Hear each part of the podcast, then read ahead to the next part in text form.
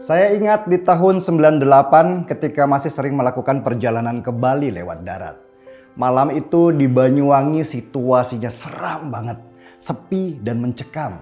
Kabar di media ada seorang yang terbantai karena disangka akan membunuh ulama. Banyak orang dengan wajah tertutup bersenjata tajam memeriksa mobil-mobil yang lewat. Begitu mereka curiga sedikit ke kita, habislah dibantai saat itu juga. Pembunuhan para ustadz di Banyuwangi tahun 98 lalu sering disebut sebagai Operasi Naga Hijau. Sampai sekarang belum ditemukan siapa aktor utamanya dan para petinggi politik di Jakarta sibuk saling tuding di antara mereka. Sedangkan di masyarakat akar bawah, kecurigaan satu sama lain semakin tinggi. Ibarat gas yang dilepas ke alam bebas, tinggal sulut api sedikit, meledak dan terbakarlah kita. Tahun 2018 saat pilkada, situasi yang sama terjadi lagi. Kali ini di Jawa Barat. Tiba-tiba ada beberapa ustadz ditusuk orang yang tidak dikenal. Sesudah pelaku ditangkap, polisi pun kebingungan. Pelaku ternyata meracau ke mana-mana. Sesudah dipanggil psikiater, akhirnya polisi mengambil kesimpulan penusuk itu mengalami gangguan jiwa. Dan ributlah orang-orang karena tidak yakin bahwa penusuk para ustadz itu orang dengan gangguan jiwa. Dan isu pun menyebar ke mana-mana. Kecurigaan dibangun supaya tensinya semakin naik. Dan tiba-tiba muncul para pakar. Entah dari mana dan pakar apa. Mereka berkomentar seolah-olah mereka tahu segalanya. Situasi mencekam itu membuat pilkada di Jawa Barat semakin panas. Ketegangan di masyarakat bawah semakin kuat. Sementara di media sosial, adu argumen tentang pendapat siapa paling benar lengkap dengan teori konspirasinya beradu kencang.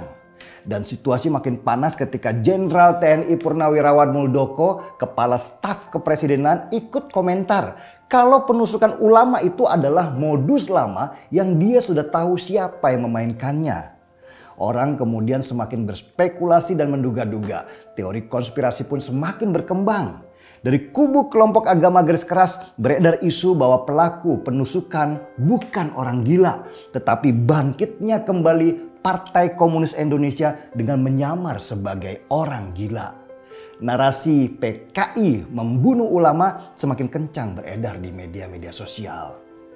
Penusukan Syekh Ali Jaber di Lampung yang baru saja terjadi mempunyai narasi yang sama dia seorang ulama dan ditusuk oleh seseorang yang disebut dalam kondisi gangguan jiwa.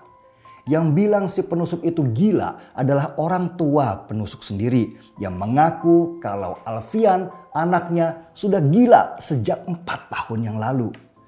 Pernyataan orang tua pelaku ini dapat serangan di media sosial yang heran. Kenapa orang gila bisa punya akun media sosial? Dan teori konspirasi pun kembali berkembang bahwa kasus orang gila menyerang ulama kembali dimainkan. Apalagi ini bulan September di mana biasanya isu PKI dimainkan. Dan benar saja dari sudut kos-kosan di Arab Saudi sana, seorang imam kebesaran Rizik Sihab berseru bahwa penusukan Syekh Ali Jaber adalah tanda bangkitnya PKI baru untuk menyerang ulama. Memang menarik situasi ini mengingat pada situasi pandemi dan saat Indonesia sedang berada di pinggir jurang resesi, ada gerakan-gerakan politik untuk semakin mericuhkan suasana.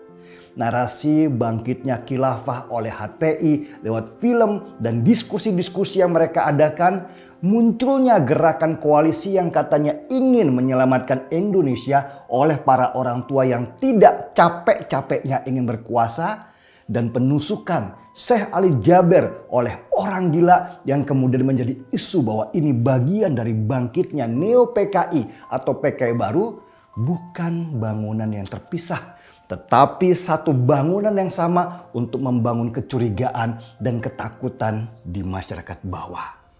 Hati-hati, bisa jadi penusukan Syekh Ali Jaber dengan modus operasi orang gila ini bukan satu-satunya belajar dari kasus 98 dan kasus 2018 akan ada kasus penusukan yang serupa untuk membuat rakyat Indonesia saling mencurigai satu sama lainnya dengan tujuan membuat ketegangan dan kerusuhan dengan modus SARA. Siap-siap kita pantau terus sambil seruput kopinya.